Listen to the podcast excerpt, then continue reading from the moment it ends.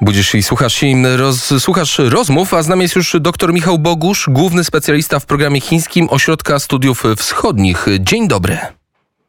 Dzień dobry. Od jakiegoś czasu, od tygodni, od miesięcy spływają do nas informacje z państwa środka, jakoby to Chiny skupowały płody rolne, zboże, ale nie tylko i to w ogromnej ilości. Na ten temat częściowo w, w Kurierze w samą południe piątkową porą wypowiedział się wiceminister rolnictwa, pan Norbert Kaczmarczyk. Posłuchajmy.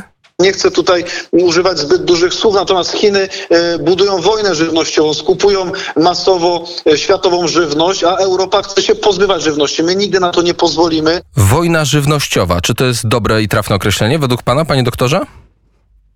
Czy trudno mi, mi komentować wypowiedzi polityków zasady e, tego, tego nie robię, ale jest faktem, który się nie da ukryć, że Chiny skupują żywność na, na dużą skalę. To wynika z kilku powodów, no po prostu nawarstwienia się, się kilku przyczyn. Jedno to jest y, kurczący się areał pól uprawnych w Chinach, które powodują, że Chiny mają coraz większe trudności same z produkcją E, zbóż, z takich zbóż podstawowych. Także zmiana profilu produkcji rolnej. Po prostu chłopom się już nie opłaca hodować ryżu, ale bardziej opłacalne są uprawy na przykład owoców.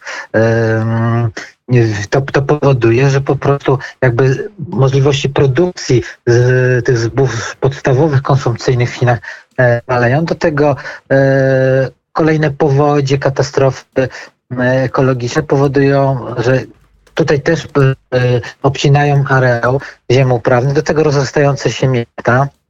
To wszystko powoduje, że Chiny po prostu mają mało, coraz mniej produkują żywności, równocześnie się zmienia styl konsumpcji w Chinach.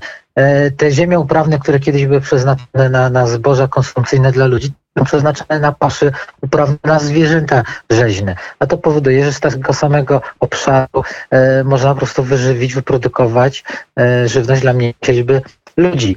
A oczywiście do tego wchodzą kwestie międzynarodowe, obawy o o sytuację międzynarodową, że gdyby doszło do zablokowania Chin i możliwości importu żywności, to trzeba zbudować odpowiednie zapasy strategiczne. Buduje to każde państwo, no ale w wypadku tak dużej populacji oni muszą zbudować bardzo duże zapasy y, i w efekcie zasysają faktycznie e, żywność z rynków e, międzynarodowych.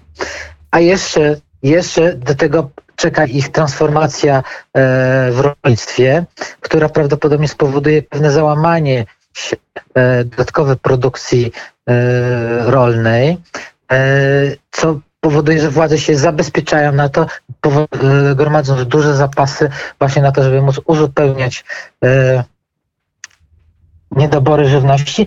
A jeszcze na koniec tego wszystkiego, to jest kwestia obawy o COVID-a i pandemię. Chiny paradoksalnie są ofiarą własnego sukcesu. Udało im się wyeliminować E, covid na, na początku, no ale dzisiaj to oznacza, że populacja jest narażona na nowe warianty i gdyby doszło do rozpowszechnienia się utraty kontroli nad sytuacją pandemiczną w kraju, władze musiałyby zarządzić blokady miast de facto i yy, doszłoby do zaburzenia normalnej cyrkulacji e, żywności.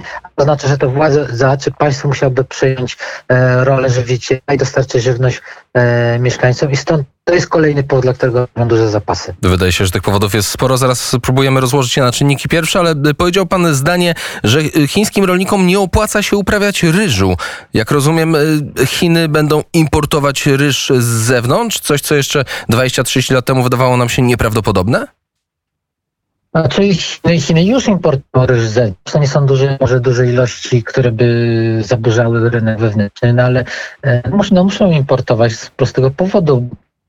Po prostu e, to jest rolnictwo oparte na małych gospodarstwach, 0,2 ara, e, przepraszam, 0,2 hektara, e, to średnia wielkość chińskich, chińskich gospodarstw, no to na takich małych poletkach e, często się bardziej opłaca zasadzić e, jakieś drogie e, drzewa owocowe e, klasy premium i z nich żyć niż z uprawy ryżu, bo, no bo to, jest to bardziej opłacalne. Tak samo warzywa, warzywa owoce są bardziej dochodowym produktem niż, niż zboża konsumpcyjne, to powoduje, że właśnie brakuje tych, tych, tych kategorii produktów.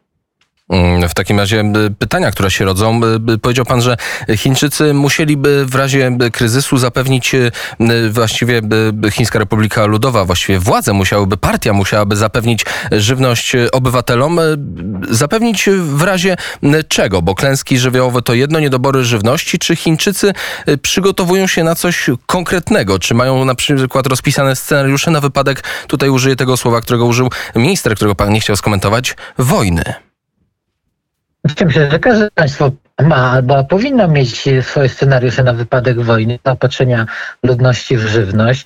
Zapasy strategiczne po to są robione, także na wypadek wojny, więc ja myślę, że oni zdroworozsądkowo planują, ale czy planują wojnę, to ja panu na to, to pytanie nie no tak, te, na... ja myślę, że to nie, bo to nie, ozna, nie, nie musi oznaczać to, że planujemy na wypadek wojny, to nie oznacza, że planujemy wojnę od razu, ale, ale oczywiście planują na, na, na wszelki wypadek, e, także na wypadek wojny, także na wypadek katastrofy, jaką byłoby na przykład utrata kontroli nad rozprzestrzenianiem się omikrona w Chinach i, i konieczności wtedy zamknięcia dużych części krajów, całkowitej blokady. Tak to miało miejsce teraz w Chinach, kiedy po prostu władze zabroniły komukolwiek opuszczać dom pod jakimkolwiek pretekstem i same dostarczają e, żywność mieszkańcom. Oczywiście. Po to, żeby właśnie Skąd to pytanie wynika? Bo nie posądzam pana o, o, posiadanie informacji co do planów Chin wobec wojny, ale spędził pan w Chinach kilka lat, mieszkając tam, komunikując się, żyjąc. Więc bardziej zapytajmy o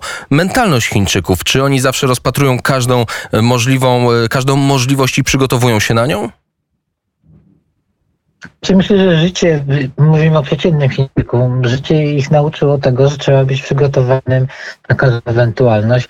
Ostatnie lata prosperity może spowodowały, że w młodszym pokoleniu jest takie przekonanie, że jest dobrze i że tak zawsze pozostanie, ale to starsze pokolenie, zresztą tak samo jak w Polsce czy w innych krajach doświadczonych przez historię, ma z tyłu głowy świadomość, że e, że dobrobyt może być chwilowy i jest szybko ulotny, więc e, oczywiście Chińczycy e, en masse, że tak powiem, e, mają tego świadomość i stąd też jest wykupywanie żywności. To jest nowe zjawisko w Chinach.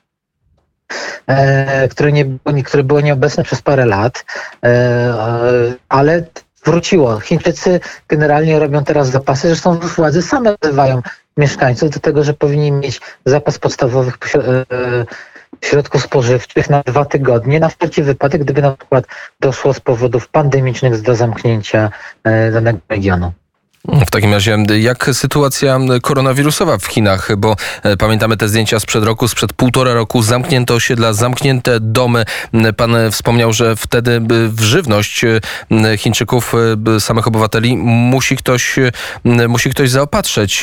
Aktualnie patrzymy, jest oficjalnie przypadków 150, 30, jeżeli chodzi o Chiny. Widzimy całe miasta zbudowane z kontenerów, małych kontenerów, w którym mieszkają mieszkańcy, którzy są odizolowani. Jak dziś wygląda wygląda walka z COVID-em w Chinach? Problem polega na tym, że Chiny są ofiarą własnego sukcesu. Udało im się e, wyeliminować wirusa na samym początku i przyjęły strategię zero, zero tolerancji dla, dla koronawirusa, dla nowych przypadków, a to oznacza, że mają ogromną populację, niewydolnym systemem opieki zdrowotnej, teoretycznie zaszczepioną, ale te szczepionki chińskie już na samym początku wykazywały się o wiele niższą skutecznością niż zachodnie, a przeciwko nowym wariantom prawdopodobnie są niewiele warte. Już pomijając fakt, że upłynęło bardzo dużo czasu od, od zaszczepienia przynajmniej części tej, tej najstarszej części populacji. E, to powoduje, że e, tak naprawdę kraj jest kompletnie bezbronny w tej chwili, jeżeli chodzi o koronawirus, bo nie ma ani naturalnej odporności wynikającej z, z przechorowania, ani e, też tej nabytej w wyniku masowej e, akcji szczepień, mimo tego, że ta akcja się odbyła i ponad 80% populacji jest zaszczepiona. E, to powoduje, że władze właściwie są, nie mają wyboru, jak eskalować politykę bardzo brutalnych i ścisłych lockdownów, no ale koszty tego rosną. E, I właśnie po to, żeby się zabezpieczyć na wypadek gdyby konieczności zamknięcia znacznych części kraju, e, jest też skupywanie żywności. W takim razie polecam zerknąć sobie w internecie na zdjęcia. m, e, 44 hektary w centrum kwarantanny w fińskim mieście Xinjiang. O ile się, no ile dobrze wymówiłem tylko nazwę, rzeczywiście te kontenery robią wrażenie, a szczególnie ich liczba. Mówił dr Michał Bogusz, główny specjalista w programie chińskim Ośrodka Studiów Wschodnich. Bardzo dziękuję za rozmowę i życzę udanego dnia. Dziękuję nawzajem. Dziękuję bardzo. Do usłyszenia. Godzina 8.41. Za chwilę wybierzemy się tam, gdzie słońca nie brakuje. Mam na myśli Kazachstan, ale najpierw utwór Ain't No Sunshine.